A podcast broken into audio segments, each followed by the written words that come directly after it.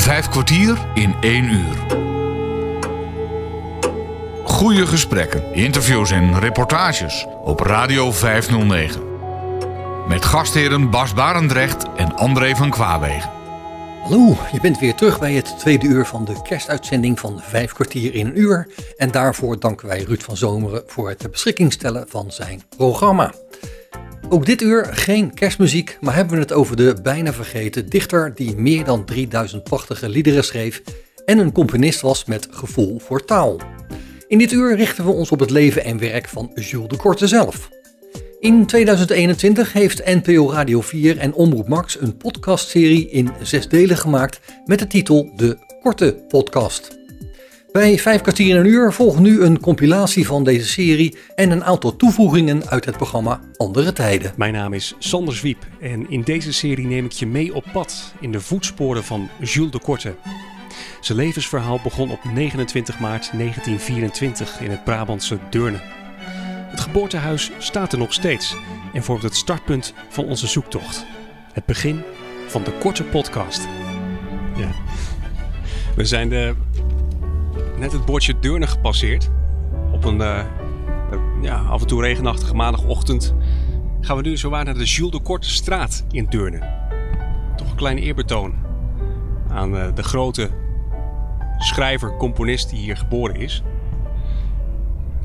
paar rotondes verder langs uh, Chinees-Indisch restaurant Azië.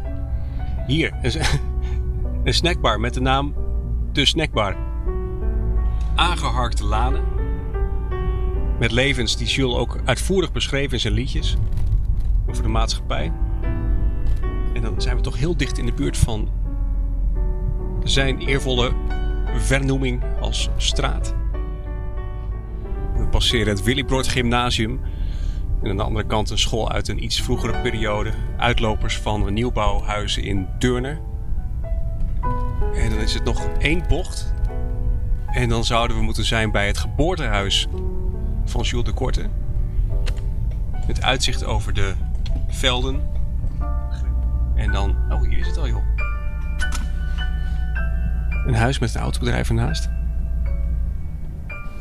En dan staan we hier met de gechilpt van vogels uit de inmiddels hoge bomen voor het huis waar Jules de Korte is geboren. En ik sta hier met Jan Timmermans. Meneer Timmermans, goedemorgen. Goedemorgen. U bent een, eh, de Korte expert, mag ik dat zo zeggen? Nou, dat is wel een beetje te veel gevraagd. Wij hebben toen de tijd een tentoonstelling uh, gebouwd in, in het Graafmuseum uh, over Jules de Korte. En ja, aldoende leer je natuurlijk wel veel over Jules de Korte. Hij is dus hier geboren, uh, uit het gezin van de Peer de Korte en uh, Anne van Eyck. Ze hadden geloof ik acht of negen kinderen. Echt een kloek Brabants gezin of een katholiek gezin? Nou ja, katholiek. Uh, Peer was een echt overtuigd socialist. Hij had het idee dat al die socialisten uit de grote steden boven de rivieren, die moesten maar naar Brabant komen om die werknemers te, te, gaan verlossen van de onderdrukkers. De gemeente, de burgemeester en de geestelijkheid. Hè. Dus dat katholieke gezin, nou, daar kun je iets meer over vertellen, zeg maar zeggen. Dus hier aan de Vloeieindse Dreef 4 in een uh, soort zadeldakwoning, uh, 201 kaphuis. Ik weet niet, was het destijds ook al op deze manier uh, een opgesplitste 201 kapper? Ja, dat klopt, dat klopt. Ja. Hier heb je ook de foto ervan. Een zwart-wit foto met het hele gezin uh, op dat moment voor het huis. Maar ik zie ook allemaal huisraad ervoor staan. Peer de Korte die, die was een turfsteker van beroep. Dat was heel hard werken, weinig salaris. Dus hij wilde een, staking organiseren met al die turfstekers. De burgemeester was helemaal niet voor, groot grondbezitter ook niet. En het ging over 1 cent per uur. Hè. Uh, uiteindelijk is die, uh, die gewoon niet doorgegaan. En toen heeft de burgemeester gezegd: Ik wil hebben dat de stakingsleider bij mij op zijn knieën zijn excuus komt aanbieden en zeggen dat het nooit meer gaat gebeuren. Maar Peter de Koot zei: Amme nooit niet. Amme nooit niet. De ambtelijke molen is een hele boze. Ik denk van alle molens de meest humorloze. Er was een ambtenaar die uh, de huur moest ophalen. En die kreeg te horen van de burgemeester: jij gaat geen geld aanvaarden van de familie de Korte. Op die manier ging de huurster natuurlijk alleen maar naar boven toe. En op dat moment zei de burgemeester: Ah, nu komt de deurwaarder eruit. Dat kun je hier zien met die foto. Allemaal kleine kinderen nog. Ja. Dit is Jules. Ze hebben hier een aantal dagen geslapen. En uh, uiteindelijk zei iemand, ja dat kan helemaal niet. Ze zijn ergens anders naartoe gegaan. Hoe oud was Jules toen? Volgens mij is hij een jaar of drie. Vijf kwartier in één uur. We moeten nu even de overstap maken van Deurne, waar we bij zijn geboortehuis waren, naar Graven. Ja, inderdaad, want Jules werd geboren in Deurne, was nog maar één jaar oud toen hij na een medische fout blind werd en kwam uiteindelijk terecht op het katholieke blindeninstituut Sint Henricus in Graven. We zijn nu in het Graafs Museum, waar Jan Timmermans zich ontfermt over een ware Jules de Korte schat. Jules, je foto ken je wel? Deze foto die we hier zien is van 19... Ja, 1930 of zo denk ik hè. Want, maar dat was niet de eerste stop, hè? want hij was daarvoor al bij een andere... Uh... Ja, daar kom je bij de bewaarschool, heet dat. En die nonnen, die deden dan die bewaarschool. En dat vond hij geweldig, want daar zaten ook meisjes bij. En die non zei, haha, dat kan waar zijn. Niet aankomen, niet aankomen. Dan mocht je niet, hè. Stapte, in die tijd stapte je het ook al niet meer. Nou. En op een gegeven moment was ze zeven. En toen zei die non, zei, zonder info, kom maar mee. We gingen toen naar het blindinstituut. Nou, en daar waren alleen maar jongens. Het was een uh, vrij streng regime. Je kon toch uh, om de minste overtreding klap voor je kop krijgen. Ik denk dat ze heel weinig mochten. En ze kwamen sowieso nooit bijna buiten de poorten. En dat is onvoorstelbaar wat daar gebeurd is. En wat daar vooral, wat Jules denk ik ook vooral aan, uh, ja, aan emotioneel leven tekort is gekomen. Wat hij zelf in ruime mate misschien wel had, maar waar hij helemaal niet in werd gesteund. En uh, wat hij zelf maar heeft moeten, moeten ontwikkelen. Ja, en dat, dat zal zijn sporen ook nalaten. Maar waar waren de ouders van Jules in dit verhaal? In Deurne. Dus die arme jongen die werd zomaar weer ergens anders... Ja, nou. zo werkt dat. Ja, zo werkt dat. Ja. Ik praat natuurlijk wel over die tijd, hè. Nu, nu is het volkomen anders, maar in die tijd ging dat gewoon zo. Die non en die vaders die deden dat met, met de beste wil. En die waren hele goede onderwijzers. Maar die wisten totaal niet hoe ze met die jongelui om moeten gaan. Als het over meisjes gaat, dan mocht het nooit gespraat worden over seks, sowieso al. Niet meer over meisjes. Waarom dan niet? Hij was, toen hij wegging, was hij 21. Ja, hoe kan dat nou? Dus zeer vormende jaren van zijn leven heeft hij misschien uh, op een heel andere manier beleefd dan een, uh, een ziend persoon in die tijd. Ja. Uh, dat heeft ongetwijfeld ergens invloed gehad op hè, zijn vorming in de rest van zijn leven, toch? Het is behoorlijk essentieel, die jaren tot je twintig bent. Dan leer je eigenlijk de hoofdlijnen van het leven wel van de mensen ja, die ja. over jou gesteld zijn. Je docenten, je begeleiders, je ouders. Dus in dit instituut heeft hij toch op een heel concrete manier de volwassenheid bereikt. Ja, precies. Ja. Voor hem is het ook, ook heel erg moeilijk geweest vanaf het allereerste begin. Zijn vader was echt een socialist en geen salonsocialist, nee, een echte socialist. Toen werd hij blind en zijn vader heeft overal geprobeerd om hem daar in de buurt onder te, onder te brengen. Dat ging helemaal niet. Nou, dan maar naar Graven toe. En hij komt hier in dat pure katholicisme. Nou, ze weet al, de paus ja, die weet alles. De kardinaal en de bisschoppen, die weten bijna alles. En de pastoor, lokaal gezien, die weet ook alles. Want later in zijn leven heeft hij veel liedjes geschreven, ook met de kerk eh, als thema natuurlijk, hè, en het geloof. Ja, Is dat dan hier ergens ook nog geworteld? Ik, ik weet dat dat komt vanwege die kloof. En zijn vader was een held voor hem. Hij heeft ook een heel mooi liedje gemaakt over zijn vader, de enkeling. De enkeling stond op tegen wel honderdduizend dingen hij wou niet met de massa mensen mee in het gareel. Hij wenste in het slavenkoor een vrije stem te zingen, maar voordat hij het wist, had hij een schor geschreeuwde keel. En vandaar dan ook, van, vanaf zijn oorsprong, heeft hij alleen maar maatschappijkritische liedjes uh, geschreven. Maar goed, Jules heeft daar ook toch goed onderwijs gehad in uh, pianospelen uh, heeft klarinet gespeeld. Muzieklessen, dat kreeg je al van je tiende jaar af. Iedereen, als je tien jaar was, dan werd er klassikaal, werd er braille muziekschrift geleerd. Er was een eigen harmonie, die was er ook, die heeft Jules zelf ook nog al gespeeld. En overigens, die klok, hè, dat zit ook in uh, sowieso enkele van Jules' liedjes verweven. Hè? Dus ik vind het wel een mooi idee dat hij ooit hier ook een klok heeft horen luiden. En misschien... Nou, deze klok heeft hij ook horen luiden. Ah. Dus neemt er maar even op. De fraters hadden een hoeveelheid opgezette dieren, zodat die kinderen konden voelen wat een hond was, wat een leeuw was, wat een tijger was, dat soort dingen. En hij had andere dingen die leuk waren. Hij bijvoorbeeld bliksem kon hij zien. Niet alleen bliksem, maar ook flitslicht. Al op het Blindeninstituut had hij samen met een andere jongen die ook bliksem kon waarnemen, hadden ze de onweerclub. En dan stonden ze, zo gauw het onweren, stonden die jongens in de open deur om dat, dat, dat licht van die bliksem te zien. Want dat was het enige wat zij konden zien. Dit was de eerste brief die de ouders van Jules de Korte kregen. Van Jules de Korte. Hij heeft zelf niet gedaan, maar die nonnen hebben dat gedaan. Hij maakt het weer goed en speelt de hele dag met zijn hondje en mondharmonica. Daar heeft hij veel plezier mee. Geachte familie, wees hartelijk gegroet van de eerwaarde moeder en zusters, maar vooral van uw liefhebbende kindje Julike. Mooi toch? In 1944 bevrijden de Engelse en Canadese soldaten graven. De militairen worden ingekwartierd in het klooster van Jules. Hij maakt muziek met de bevrijders. Er is jazz, er is feest. Hij beseft dat er ook een andere manier van leven mogelijk is. En in april 1945, als Jules 21 is, neemt hij een besluit. Ik moet hier weg. Ik blijf kreupelhout als ik hier niet wegkom. En daar is het begonnen. Toen is Jules eh, nou ja, aan een dansschool gaan werken en deed auditie bij de KRO. En daar is het begonnen. Nu het vijftiende couplet. Maar nou komt het. En zo heb ik dan gezongen van hetgeen we zoal doen. In verschillende rubrieken, van seizoen tot seizoen. Maar bij alle vaste vormen waar ons werk in is verpakt, blijft de kern waarnaar we zoeken steeds het levende En dit is zijn allereerste plaat. En die, die was gebarsten. Er is nog steeds gebarsten, zie ik. Ja, er is niks meer te doen. Jules de Korte, piano plus zang, 26 oktober 1946.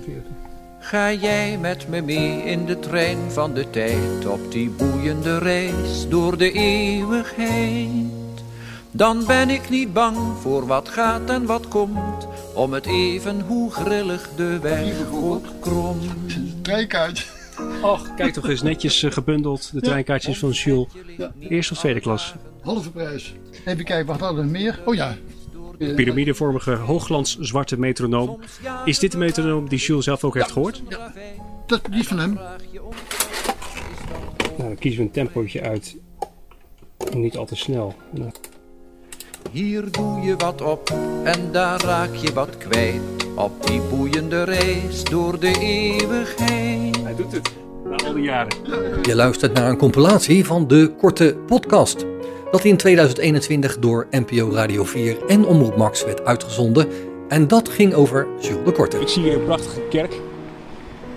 In Delft op een dinsdagochtend met het woord vrede pontificaal voor op de kerktoren.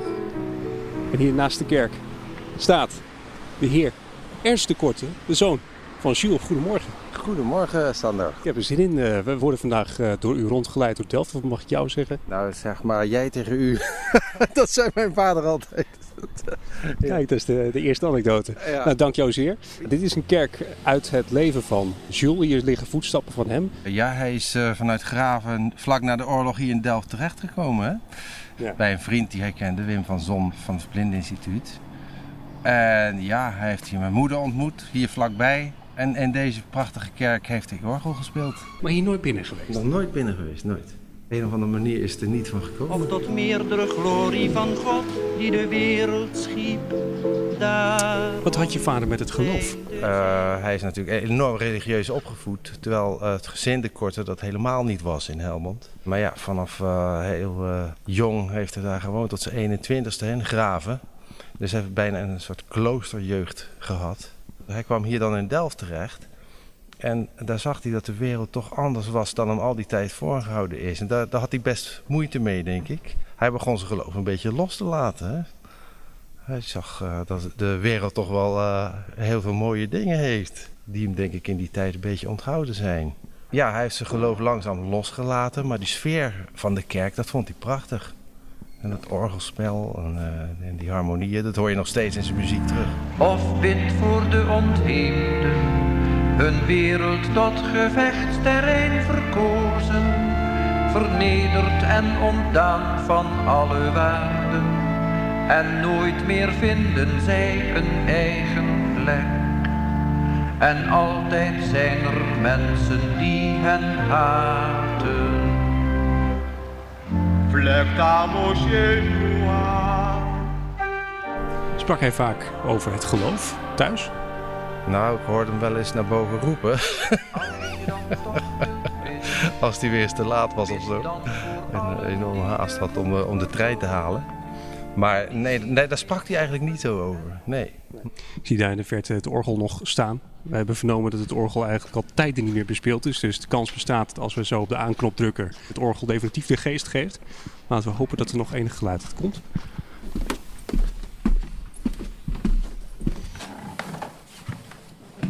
Het orgel is naar de knop aan. Het is de broodnodige mietenvorming. Niet alles moet ontrafeld worden. Niet alles moet ontsloten worden. Het orgel, hoe had dat geklonken? Op dit moment weten we het niet. 1, 2. Kijk, we zien zijn naam nog. Verhip, ja. Organist van 1950 tot 1953. Ja. Jules de Korte en daaronder de heren Kees Bak, Piet de Haas, Nico Verhoef. Zonder dat het orgel niet meer uh, werkt. We staan hier uh, inmiddels uh, aan de Kloosterkade. barbershop The Corner heet het in Nieuw-Nederlands. Dat zou je vader ook niet leuk hebben gevonden, al die Engelse termen. Knippen, scheren, wassen, contouren, baard, kinderen en volwassenen met en zonder afspraak. Ja. Ehm, wat, wat, wat zat hiervoor in dit gebouw, Ernst? Wat voor momenten in het leven van je vader? Hier zat het winkeltje van Wim van Zon. Dat was de vriend, een blinde vriend van mijn vader die hij kende uit het uh, Blindeninstituut in Graven. En Wim is ja, vlak na de oorlog naar huis vertrokken. En, hier in Delft. En mijn vader is hem gevolgd. Die had genoeg van dat Blindeninstituut en trok de wijde wereld in. En hij is dan hier terechtgekomen in de Wippolder in Delft. En heeft hij op kamers gewoond uh, bij de ouders van Wim. Bij de moeder van Wim, dacht ik. En is daar een band ontstaan, gebleven met, met Wim, tussen Wim en Jules? Jazeker, zeker. Uh, nou, ze kwamen altijd uh, bij elkaar over de vloer nog. En wij lopen de Theresiastraat in, waar ook een stuk de korte geschiedenis ligt. Maar de geschiedenis is hier niet meer zichtbaar, want dit ziet eruit alsof het hele blok nieuw is gebouwd. Wat, wat was hier, Ernst? Hier uh, is mijn vader op kamers gaan wonen. In deze straat, de Theresiastraat. Dus hij heeft hij een paar jaar gewoond. Ja. Maar er is niks meer uh, van terug te zien. Dus hij woonde eerst bij Wim van Zon op kamers en later is hij dan hier uh, op kamers terecht gekomen. En uh, ja, ook een beetje zijn muziekcarrière begonnen. Want, hij speelde voor dansscholen en feesten, partijen. Dus hier is zijn muzikale leven ontstaan. Aan een fris aangelegde straat kijken wij op huisjes die stammen uit de jaren. Wat zal het zijn, Ernst? Begin uh, eerste helft in de eeuw? 30, 20, 30, zoiets. Want we staan hier voor het huis aan de Frederik Hendrikstraat 78. Wie woonde hier? Mijn oma. En het is de ouderlijke woning van mijn moeder. Uh, mijn vader heeft hier nog kamers gewoond, vlak nadat ze getrouwd zijn. Doe maar, op kamers wonen bij je schoonfamilie. Ja, zeker. Heeft ook niet lang geduurd hoor. Is het geclashed? Nee, zeker niet. Nee, ik had een hele lieve oma. Er, werd piano gespeeld op zondagmiddag en een sigaartje gerookt en een borreltje en dat was gezellig. Maar dat uh, sigaartje roken, piano spelen, dat gebeurde natuurlijk ook door je vader? Ja, ja mijn vader liep hier uh, waarschijnlijk vele malen voorbij en hoorde dat en zo, uh, ja, mijn vader en moeder kennis met elkaar gekregen. Oh, door, door de piano? Ja, dat uiteindelijk wel, denk ik. Ja. Die heeft mijn vader natuurlijk gelokt. Maar waar zijn we hier, Ernst? We zijn hier bij Sint-Jorisweg 19 in Delft. Uh, mijn ouderlijk huis. Dus mijn ouders zijn hier gaan wonen vanuit Hilversum. Dus ze hebben heel even in Hilversum gewoond. Ik geloof eind 1959. En in 60 ben ik geboren. En ik heb hier tot mijn 21ste jaar gewoond. Dus ik heb heel veel herinneringen aan dit huis. Helemaal boven zie je de werkkamer van mijn vader, waar heel veel liedjes gecomponeerd zijn. Was dat links of rechts? Of is het één grote verdieping daar op de tweede verdieping? Het is een Dat- rijtjeshuis dat met twee verdiepingen. eh, even kijken, nee, er zijn twee kamertjes. Het linker, zeg maar het linker bruine raampje. Ja. Dat was de werkkamer van mijn vader. En daar stond ook een piano? Of? Daar stond een piano, ja. Mijn, ouders kwamen hier met drie kinderen. Mijn broer Jules was net geboren. Ja, en in 1960 ben ik geboren. En eh, daarna volgde nog een eh, zus en een broer. Dus we hebben hier met zes kinderen gewoond. Ja. En we hadden bijna allemaal een eigen kamer. En de tuin, kan- die kan ik nu even niet zien, maar was het een mooie tuin? Die, die kan je achterom eh, lopen. Die was eh, een mooie tuin. Er stond een hele mooie foyer in. Twee zelfs. De vogels zouden na heel lang kniezen en eindeloos praten een koning kiezen. Een koning die met gezag en eer het vogelvolkje kon regeren. Hadden jullie veel contact met de buren? Ook qua pianogeluid misschien? Nou, was niet alleen pianogeluid, want iedereen speelde wel eh, een instrument. Alle kinderen. Dus, en, en mijn moeder ook nog piano. Ik zing van Delft en dagelijks kan ik horen de schone klanken van de toren op de markt. Vijf kwartier in één uur. En zo zijn we hier bij de ingang van de Nieuwe Kerk. Goedemorgen. Ik ben de stadsbijendier Henk Groeneweg. Is het mogelijk om toch even boven te kijken? We gaan het doen. Ja, dat lukt wel. Nou, zullen we doen wie het eerst boven is? De toren strooit zijn liedjes uit. Is nog eens een deur zeg. Over de straten van de stad. Over de parken en de pleinen. Over de huizen en de flats.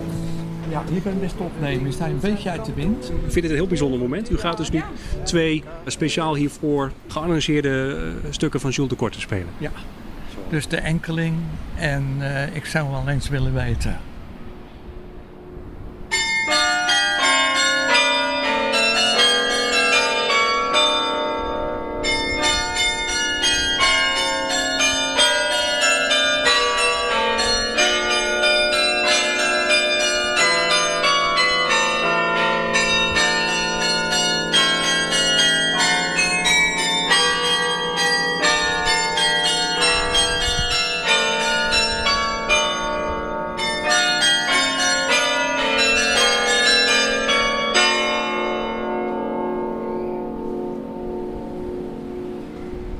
Wat doet dit nou met jou Ernst? Dit is toch heel bijzonder? Het is heel bijzonder. Heel bijzonder hoe die, hoe die klokken doorklinken. En de wind neemt het over. Het is prachtig. Je wordt stil van gewoon. Hè? Ja.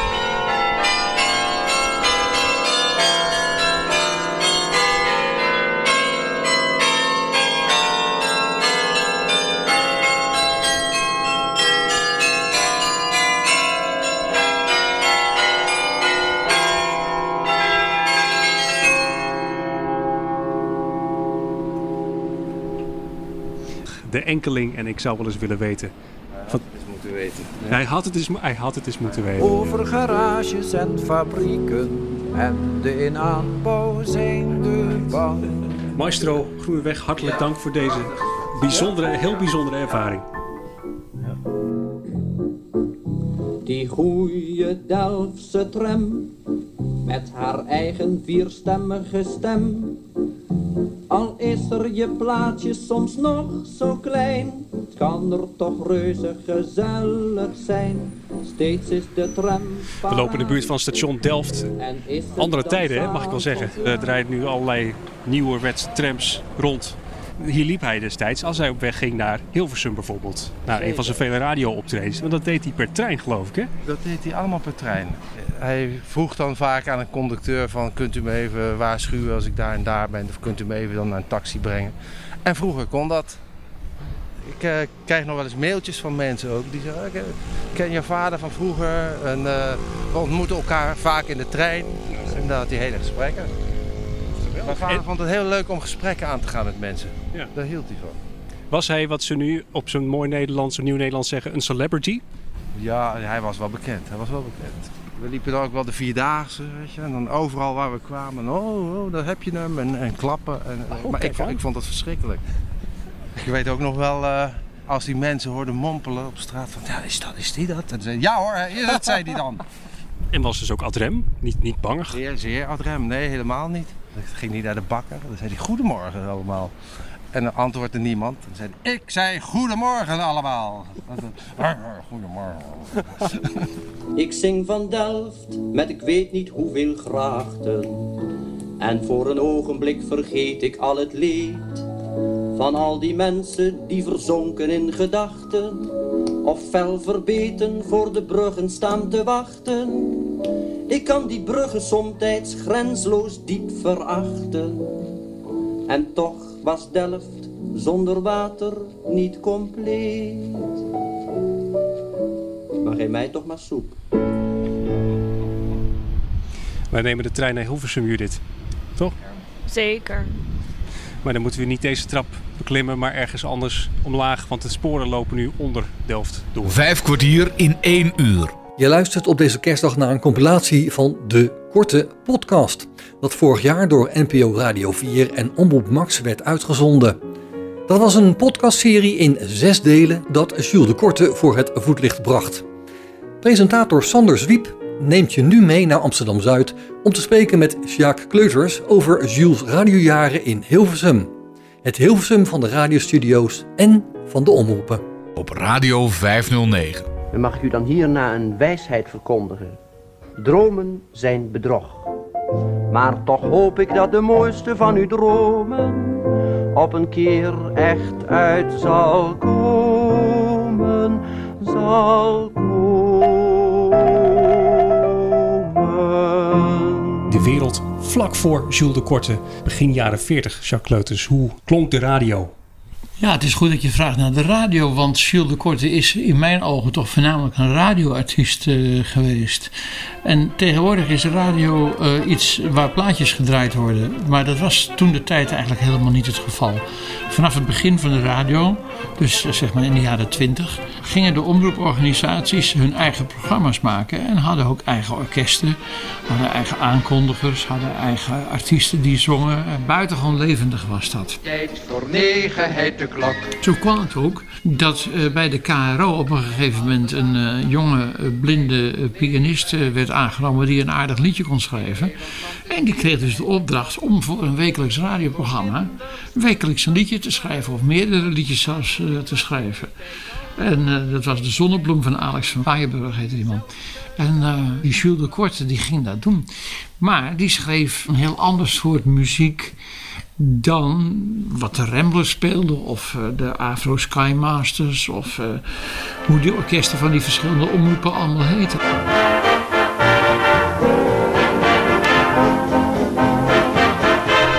Dat was in principe gewoon gekopieerd van Amerika, vertaald naar het Nederlands. Eigenlijk niet heel erg authentiek. En hier werd een blinde pianist aangenomen die zelf ineens met oorspronkelijke stukken kwam.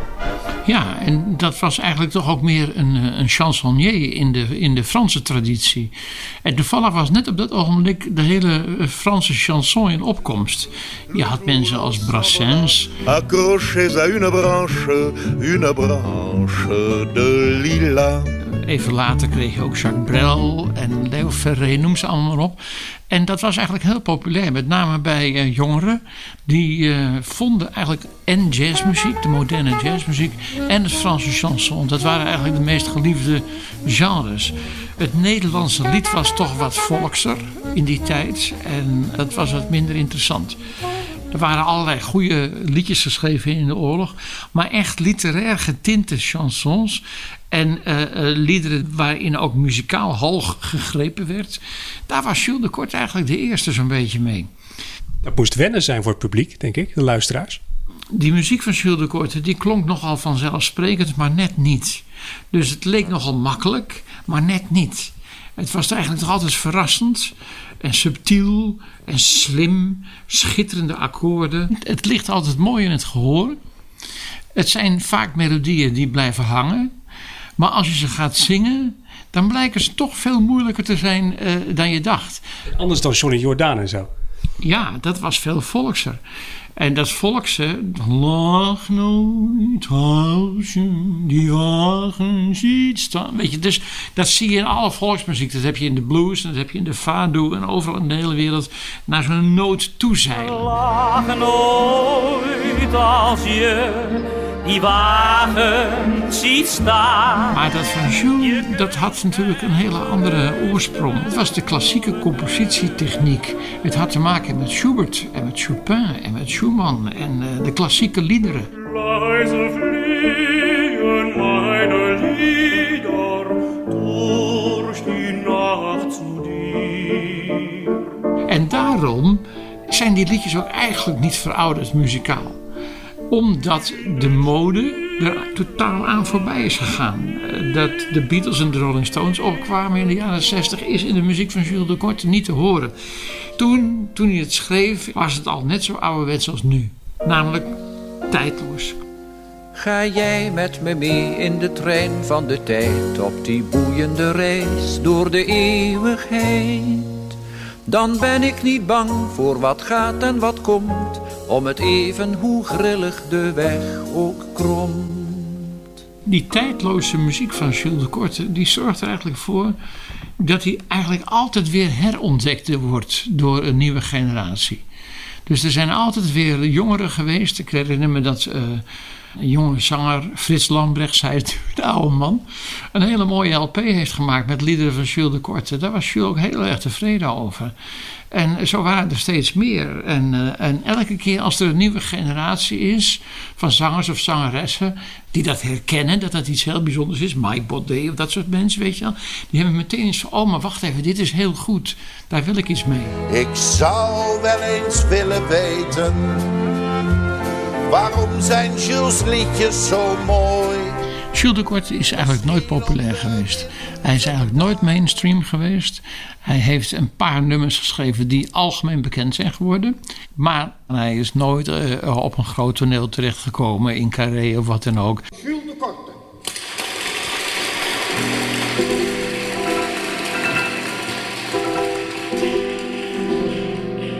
Vijf kwartier in één uur. Dames en heren, ik wou beginnen met een kort dankwoord voor uw gul applaus. Dank u wel, het was lang genoeg.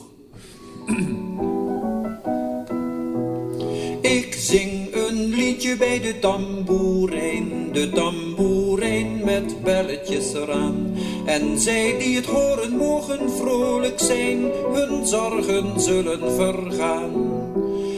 Maar wat mij opvalt is dat hij zo vreselijk strak begeleidt, Ja. zichzelf. En zijn zang heeft een hele, hele mooie flow op zijn begeleiding. Dus hij Klopt. zingt niet als een, een robot erop, maar het, het Nee, floot nee, echt hij- zoals hij een rapper bijna. Hierna wou ik u graag een liedje laten horen, speciaal voor de onderwijskrachten onder ons. Het zij al als zodanig werkzaam, het zij toekomstig als zodanig werkzaam. En dat is een liedje uit mijn pedagogische bundel Sinistere Gezangen. Daaruit heb ik gekozen Sinister Gezang nummer 1. Wel alle verzen. Ik heb speciaal eh Sinister Gezang nummer 1 gekozen... omdat alle anderen nog geschreven moeten worden. Hij heeft wel vreselijk veel respect gekregen. Alle grote muzikanten uit zijn tijd en alle grote arrangeurs, Rogier van Otterlo met name en Louis van Dijk, allemaal de grote muzikanten, die waren dol op zijn werk en die waren dol op Jules. En die hebben voortdurend hebben ze met hem gewerkt en gedacht van ja, maar dit moeten we aan de wereld laten horen. Dus er zijn wel bepaalde nummers bekend geworden van Jules de Korte, maar ondanks hemzelf. En hij werkte dus voor een omroep die zich natuurlijk eh, in de handen kon knijpen met zo'n talent. Of lag het toch soms best wel lastig bij die KRO, zeker in de eerste jaren? Want eh, ze kregen te maken met iemand eh, die best wel scherp van de tongriem gesneden was. En maatschappijkritiek niet schuwde. Of was hij vrij voorzichtig in het begin? Maar hij moest natuurlijk een gezin onderhouden en hij had er eh, inkomen van. Dus hij zal toch wel redelijk voorzichtig zijn geweest. Maar hij had soms toch wel een hekel ook aan het werk. Bijvoorbeeld alle kerkelijke feestdagen moest hij bezingen. Maar als je dat dan voor de vierde keer Maria Lichtmis eh, moet bezingen, dan wordt het moeilijker natuurlijk. Daarbij werd hij steeds minder katholiek. En hij werd steeds linkser ook eigenlijk. En eh, politiek bewuster. En hij werd ook steeds cynischer. En soms was dat wel eens een beetje moeilijk te rijmen. Ja, Of hij echt grote conflicten heeft gehad. Ja, ik geloof dat er een keer een lied van hem niet uitgezonden mocht worden op Koninginnedag of zo. Er is wel eens een keer een affairetje geweest. En er waren liedjes die dan eigenlijk toch niet op de radio terechtkwamen, maar in het theater. Bijvoorbeeld Het jonge paar kwam stijf. Gearmd van het stadhuis. Geëscorteerd door slechts een paar familieleden. Er zou geen bruiloft zijn omwille van de vrede. Alleen een heel bescheiden schijnreceptie thuis. En in de ouderlijke woning van de bruid kreeg iedereen... een kopje thee en een gebakje. Er waren vier felicitaties plus een pakje en na een uur liet men de laatste gasten uit. Toen was het allemaal gelukkig weer gewoon. Ze gingen zwijgend naar hun zolder met z'n beiden. Waar niemand zag hoe hij haar troostte toen zij scheidde. En vijf maanden later werd zij moeder van een zoon. Dus dan komt de aap uit de mouw, hè? Ze stuurden kaartjes rond naar ieders domicilie en plaatsten voort zijn advertentie in de krant. Wel nu, de enige... De enige die kwam was Truus van Hoof. En alle anderen lieten taal nog tekenmerken. Die zaten zondags vroom en vredig in hun kerken. Om God te danken voor hun spijkerhard geloof. En dan moest je durven hoor. En dat is schitterend. En waarom emotioneert het? Ik ben van 40, dus ik, die, ik ken die tijd ook nog zo goed. Die ellende dat, van dat moeten trouwen. En dan gelijk de, de risée zijn van de buurt en van de familie. En dat waren mensen die dan zogenaamd heel erg fatsoenlijk waren... maar die, die dan veranderden in, in, in een soort helle honden. Het bruidspaar mag niet op de katholieke radio gedraaid worden. De KRO verbiedt het. Dat was een buitengewoon gewaagd onderwerp. Je luistert bij 5 kwartier in een uur naar een compilatie van de Korte Podcast. Een podcastserie in zes delen dat in 2021 door NPO Radio 4 en Omroep Max werd uitgezonden. En het ging over de in 1996 overleden Jules de Korte. Het jonge paar kwam stijf gearmd van het stadhuis. Geëscorteerd door slechts een paar familieleden. Er zou geen bruiloft zijn omwille van de vrede. Alleen een heel bescheiden schijnreceptie thuis. Bij de VARA uh, was ik betrokken bij uh, een politiek programma. En daar moest Jules ook elke week een liedje voor schrijven. En dat ging Henk Westrus dan op muziek zetten. Met alle respect voor Henk Westrus. Maar dat was een confectiecomponist. En dat bedoel ik niet echt neerbuigend, maar die, die componeerde in de computer. En dat was toch een beetje, wat Cor Bakker altijd zo mooi noemt, hompie muziek. En als je dat dan vergelijkt met die onvoorstelbaar subtiele dingen die Jules zelf gemaakt had, is dat bij nader inzien toch eigenlijk uh, van de Vara een buigen naar de tijdgeest geweest. Van het moet een beetje hip klinken. Schandelijk eigenlijk. Ja. We zitten al een beetje richting uh, de, de nadagen van zijn carrière. Ja, dat was het zeker wel, ja. Maar ja, hoe lang duren nadagen? Ik herinner me dat ik had toen zelf een uh, programma op de radio bij de NOS. En het heette Podium van de Nederlandse Lichte Muziek. Het was een ouderwets soort programma. Omdat ik een orkest had. Artiesten mocht uitnodigen. Jules was daar vrijwel ieder jaar, uh, kwam hij daar als gast. En dan werd Cor Bakker, die werd nerveus. Jules was toch grootheid en Cor die arrangeerde dan speciaal. Na afloop dan eh, kwam hij op Jules toe en zei hij, en Jules, hoe vond je het? En dan zei Jules, het was bijna goed Cor, maar ik hoorde toch een kwintverdubbeling. En uh, Jules die stelde de hoogste eisen. ja, die uitzendingen in de boerderij met Jules de Korte, die hadden altijd een hele speciale sfeer. Een andere sfeer dan bij andere artiesten. En dat is iets wat me bij Jules de Korte opviel dat hij leefde alsof hij in een glazen stolp uh, leefde. Hij paste zich niet zo heel erg aan aan de sfeer die er was bij de anderen. Dus normaal gesproken uh, schuin hem op vertellen van de muzikanten of zoiets dergelijks. En een beetje malle anekdotes uit het studioleven. Nee, bij Jules werd het uh, niet gedaan. En was er meteen een voornaam sfeer. Gedroeg men zich anders als hij er was vergeleken met een andere artiest? Ja, dat heb je met bepaalde mensen. Die hebben zo'n sterke sfeer van zichzelf. Bij Jules werd je voornamer. Hij was wel geestig hoor. Er, waren, er gingen ook altijd veel anekdotes over hem. En die vertelde die zelf ook. Die hadden vaak met het blind zijn te maken. Dus volgens het verhaal bijvoorbeeld... Uh, ging hij dan gearmd met uh, Louis van Dijk het toneel op. Hè, voor een voorstelling ergens in het land. En dan zei hij zacht tegen Louis van Dijk... Louis, je gulp staat open. En ook een bekend verhaal was dat hij door iemand werd opgehaald om naar een voorstelling te gaan eh, in Hilversum. En dat het verschrikkelijk miste. En dat die muzikant, die, die, die, Ray, die zei van... God, Jules, wat is mist zeg. Ik zie geen hand voor ogen. Nou, zei Jules, laat mij naar rijden. Ik vond hem eigenlijk ook wel een wijze man, uh, Jules. En als je met hem ging praten en zo, dan uh, werd het vaak levensbeschouwelijk, zeg maar. Ik vroeg hem ook wel eens van, ik zeg maar, je bent toch wel veel illusies en idealen kwijtgeraakt. Je bent veel linkser geworden en cynischer geworden. Ja, zegt hij, maar hij zegt, de, de, maatschappij is, uh, is hard. En uh, uh, die heeft het niet op met idealen. Van wat, wat, levert het me op, zegt de maatschappij. Hè? En als je een mooi plan binnenbrengt, dan, dan zegt de maatschappij van wat kost het? De maatschappij vindt het veel erger, zei Jules, dat de koersen op Wall Street dalen dan dat er honger in een arm land is. En dat vond ik indrukwekkend. Hij had idealen.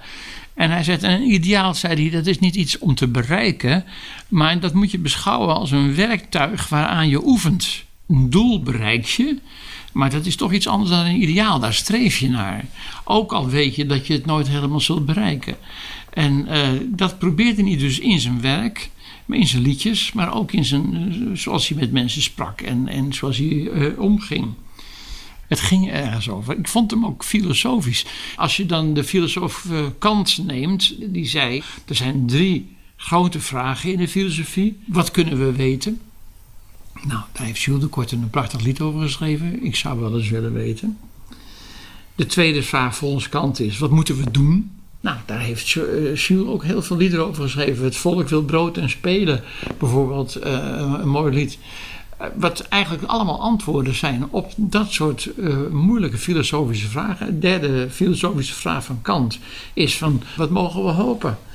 Nou, daar schreef ze ook over. Een wereld zonder angst en pijn. Als je overmorgen oud bent. Wie zal, weet je, dat soort, dat soort vragen. Dus ik vind uh, uh, Jules de Korte een, een groot filosoof ook in zijn liedjes. Ja. Zijn uh, teksten die miegelden werkelijk van de citeerbare regels. Van de mooie zinnen die je heel leven bijblijven. En waar je wat, waar je wat uit kan halen en zo. Met een uh, Bachiaanse begeleiding die het vervolgens ook heel tijdloos maakte. Dus inderdaad die klassieke pianobegeleiding. Was dat misschien ook de reden dat, het, dat zijn werk nooit helemaal mainstream werd? Omdat het publiek inmiddels met de Beatles verwend was geraakt aan uh, vier akkoorden uh, gitaarrock? Je hoort natuurlijk 99% van de tijd op de radio niets aan de hand muziek. En dat mag niet te veel storen en opvallen. En, en dan krijg je plotseling zo'n goud sieraad in, in, de, in de prut. Ik wil niet zeggen dat alle muziek prut is onzin, maar het past niet op de een of andere manier in het soort muziek wat uh, gangbaar is. Ja, het is eigenlijk een muzikale wees. Dat is de droevige lezing voor wat ik hier hoor. Beetje wel, ja. We zijn inmiddels in het uh, heiligdom van uh, Jacques Kleuters aanbeland met een bijzonder grote hoeveelheid boeken, uiteraard, maar ook heel veel vinyl en cd's en zelfs minidiscs.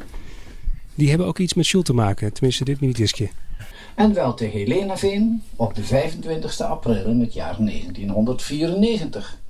Des avonds omstreeks kwart voor negen. Het is zelfs al iets door. Daar komt hij.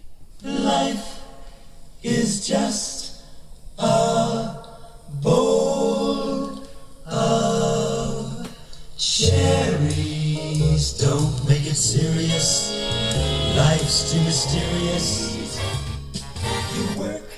En dan te bedenken dat ik zo dol ben op cherries. Niet op sherry, daar hou ik niet zo van. Maar wat kunnen die mensen zingen, hè? Ja, ik heb hier een opname van Jules de Korte. En dat is een opname uit de Zonnebloem van oktober 1954. En dan hoor je de stem van Alex van Waaienburg. En die maakt een soort van bruggetje. En dan komen ze bij, uh, ik zou wel eens willen weten, voor ons uh, Piet Tullenaar, die dit gevonden heeft in de omroeparchieven. Zou dit wel eens de allereerste keer kunnen zijn dat dit uh, klassieke lied oh, geklonken ja, ik ook heeft? wel. Jij ook wel? Ik ook wel. Wat zou je willen weten? Ik zou wel eens willen weten, waarom zijn de bergen zo hoog? Misschien om de sneeuw te vergaren, of het dal tegen kou te bewaren.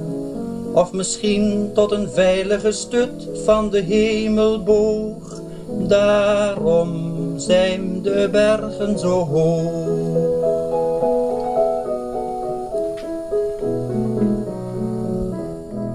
Prachtig. En live dus op de radio dit. Hè? En je hoort hem eigenlijk heel stabiel spelen en zingen. Terwijl destijds natuurlijk de radio ook nog een veel groter publiek had dan nu. Ja, als je nu denkt van nou, ik heb uh, 200.000 luisteraars, dan vind je jezelf al een hele Piet. Maar toen ging het over 2 miljoen luisteraars. De Nederlandse Schubert. Jij zegt het. Vijf kwartier in één uur. Hoe verging het Jules in de latere en laatste jaren van zijn carrière?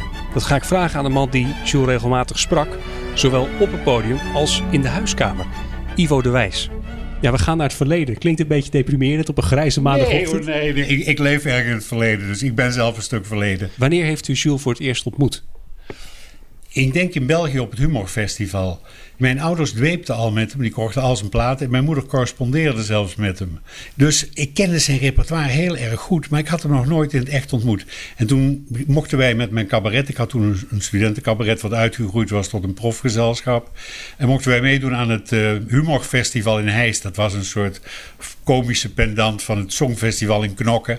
Hij speelde ook wat, dat was veel kleiner. En dat zette in op humor. En da daar traden voornamelijk mensen uit Nederland op. Peter Blanker, Dimitri van Toren, Jules de Korte. En wij dus. En daar heb ik Jules voor het eerst gesproken. Ik had toen al grote interesse in, uh, in liedjes maken, liedjes schrijven, liedjes verzamelen. Je had toen nog geen internet, dus ik had schriftjes waarin ik alle teksten bij elkaar bracht die ik kon vinden. En er zat heel veel Jules de Korte in. En ik kan nog altijd moeiteloos hele lappen tekst van Jules de Korte uh, opzeggen. Dus dat was natuurlijk wel een goede entree. Ik, ik, wist waar ik het met hem over wilde hebben. Over liedjes maken, over muziek maken, over optreden, dat soort dingen. Dat was wel een goede sfeer, merk ik. Maar op muzikaal gebied, wat, wat voelde u toen bij de muziek van Jules? Nou, ik ben zelf niet zo vreselijk muzikaal, maar ik hoorde natuurlijk wel dat dat terugging op uh, de Nederlandse volksmuziek, die hij heel goed kende. En dat die bovendien ook goed doorkneed was in een aantal klassieke componisten. Want je zag soms Jules een beetje aarzelen met die vingers. Dan zei ik, wat was er Jules? Ja, ik moest even denken, hoe zou Schubert het gedaan hebben, riep hij dan. Jules had dat vrij goed in zijn vingers. Dus hij zocht ook naar die klankkleur en naar die akkoordenschema's. Maar u als Nederlandicus, u viel waarschijnlijk voor zijn teksten. Bepaalde uh, archaïsche vormen en, uh, en woorden die vaak terugkomen. Een soort weemoed die erin zit. Of vul ik er dan al te veel in qua weemoed? Er zat nog wat variatie in die teksten van, van Jules de Korte. Hij kon buitengewoon komische dingen schrijven. Zoals uh, er was er dus een olifant, een heus nog niet zo'n kleine, die reisde de hele wereld af in bussen en in treinen. Het komisch nummer. Of het duiveltje van oh dat in een duveldoosje zat. Wie wat er wie er altijd wat in een duveldoosje zat. Ook leuke nummers. Naast buitengewoon pakkende nummers was het bruidspaar. Het feest dat nooit gevierd werd nummers die echt ergens over gingen. Die eigenlijk de samenleving bij de kloten pakten. En eh, ons lieten zien dat een leeg bestaan eigenlijk geen bestaan was. Eh, Jules had kritiek op veel dingen. Daar werd je doodmoe van af en toe. Maar in een liedje was hij nooit langer boos dan drie minuten. Dus dat was nog wel te verdragen. En bovendien was het altijd fantastisch toongezet en fantastisch berijmd. We moeten ons constant in diepe deemoed bukken. Onder een stugge stroom van ambtelijke stukken. Waarvan de koude toon meestal de indruk wekt. Dat men je heeft verlaagd tot een kantoorobject. Hij had diverse kanten. Ik, ik herinner me ook nog vaak dat als ik dat met mijn cabaret op televisie kwam, dan ging de telefoon. Jules, hallo Ivo, je bent op televisie vanavond. Ja, Jules, moeten we kijken? En dan moest ik vreselijk om, om, lachen. Want dat is eigenlijk een totaal andere Jules die alles weer op de hak nam. En dat zit natuurlijk ook in zijn liedjes. Want hij zingt niet over witte brood, hij zingt over wattenbrood. Ja, dat is leuk. Goedemiddag, zenuwslopers. Al maar nog meer autokopers. Liever dan nu schrap te zetten tegen tijd en woningnood.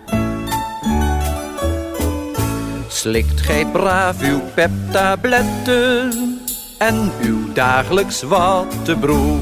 Was hij iemand die af en toe heel zenuwachtig kon zijn? Of was hij altijd uh, totaal zichzelf, uh, heel rustig, relaxed? Ik vond hem altijd eigenlijk heel relaxed uh, in de buurt van het podium. Hij kwam de zaal binnen, klapte in zijn handen. En dan hoorde hij waar de piano stond. En aan die resonans. Dus dan liep hij meteen naar die piano toe.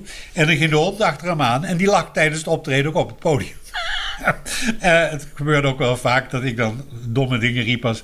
Jules de Hond ging ineens wandelen. Je had het moeten zien. En oh, oh, oh, oh, publiek dan weer. Dat het woord zien moest je natuurlijk eigenlijk niet gebruiken. En dan was hij ingevlochten in ons repertoire. Ik heb hem eigenlijk niet langdurig een hele avond in zijn eentje zien optreden. Mijn ouders hebben dat wel gezien. Ik weet wel dat hij dan een soort mix speelde van ernstige nummers en lichtere nummers. Dus ja, jaren 70, begin jaren 70. Uh, uw moeder die al langer bekend was met zijn werk. Want in de jaren 70 was zijn carrière al behoorlijk uh, op stoom gekomen. Uh, sterker hij was zelfs al een, hij was een beetje op een dood punt gekomen. Eigenlijk in zoverre dat hij nogal wat schepen verbrand had. Hij is weggegaan bij zijn eerste vrouw. Waar hij zes kinderen had. En toen had hij had een nieuwe mevrouw ontmoet, Thea. En toen is hij met Thea gaan wonen in uh, de zevende Jagershoef. Dat zijn, waren flats aan de rand van Helmond. Die waren zo lelijk. Dus die lelijkheid heeft Jules niet kunnen zien. Maar hij was toch niet min zeer gebeten op die flats. Welke gek heeft deze flauwekul gebouwd. Er heeft vannacht weer een vent in de lift gepiest. Er woont hier ook allemaal tuig. Nou ja, et cetera, et cetera. Hij was niet erg blij met die zevende jagershoef. Maar zijn broers hebben toen een oud huisje voor hem opgeknapt in Helena Veen. In de Peel. Wel vrij ver achter de wereld. Ja. Dat was een leuk huisje en daar was hij verlost van medebewoning. En dan zat hij uh, heerlijk alleen, er was groen. Dus dit was op het moment dat zijn carrière misschien een beetje op een doodspoor was beland. Uh, hoe, hoe kwam dit? Er was een, uh, wisseling niet alleen in zijn persoonlijke leven, maar dat deed ook zich een wisseling voor in zijn denkwereld. Hij ging zwart-witter denken over de wereld. Zijn oorspronkelijke wereldbeeld was, was gekleurd door het Rooms-Katholicisme. Maar toen hij die omslag maakte en de, de rode Jules werd, door andere mensen de zure Jules genoemd, had hij een probleem. Hij had dat geld van de KRO nodig voor vrouwen en zes kinderen. Hij had het geld uit de uh, snabbelwereld, optredens en andere dingen nodig voor zijn tweede huwelijk en zijn huis in Lenaveen. Met die KRO was sowieso al een probleem, want hij was dat katholieke eigenlijk aan het afzweren. Hij wilde eigenlijk ook af van dat reizen. Hij had toen het plan om carillonboeken te maken. Een, een draaiorgel wordt aangestuurd door een orgelboek met allemaal gaten. Dat soort dingen bestaan op kleinere schaal ook voor carillons. Jules had de hoop dat hij van prikken van melodieën voor carillons zou kunnen gaan leven. Dat is niet gelukt. Het werd dus toch een beetje wel uh, afzien, platen maken, uh, blijven optreden, uh, commerciële dingen aannemen. Hij heeft ook wel voor commerciële revue geschreven, dat soort werk. Niet, niet te veel natuurlijk in de consumptiemaatschappij, want die haatte hij natuurlijk weer diep. Maar hij moest ook brood op de plank, nietwaar? En zo gaat het. Dus hij heeft, hij heeft, hij heeft hard gewerkt. Dus zo is eigenlijk een soort nachtkaars. Was het een nachtkaars? Hoe, is, hoe ging het richting zijn einde? Als een carrière. Nachtkaars weet ik niet, want hij is altijd wel uh, uh, platen blijven maken en blijven zingen. Maar natuurlijk, er kwam een nieuwe generatie. Ook in het Nederlandse lied kreeg je de popmuziek die Nederlands ging zingen. En je kreeg een hele een andere aanpak dan de, de, de oudere Jules met zijn piano gezang. Dus wat dat betreft kromp zijn publiek. Dat zie je gebeuren.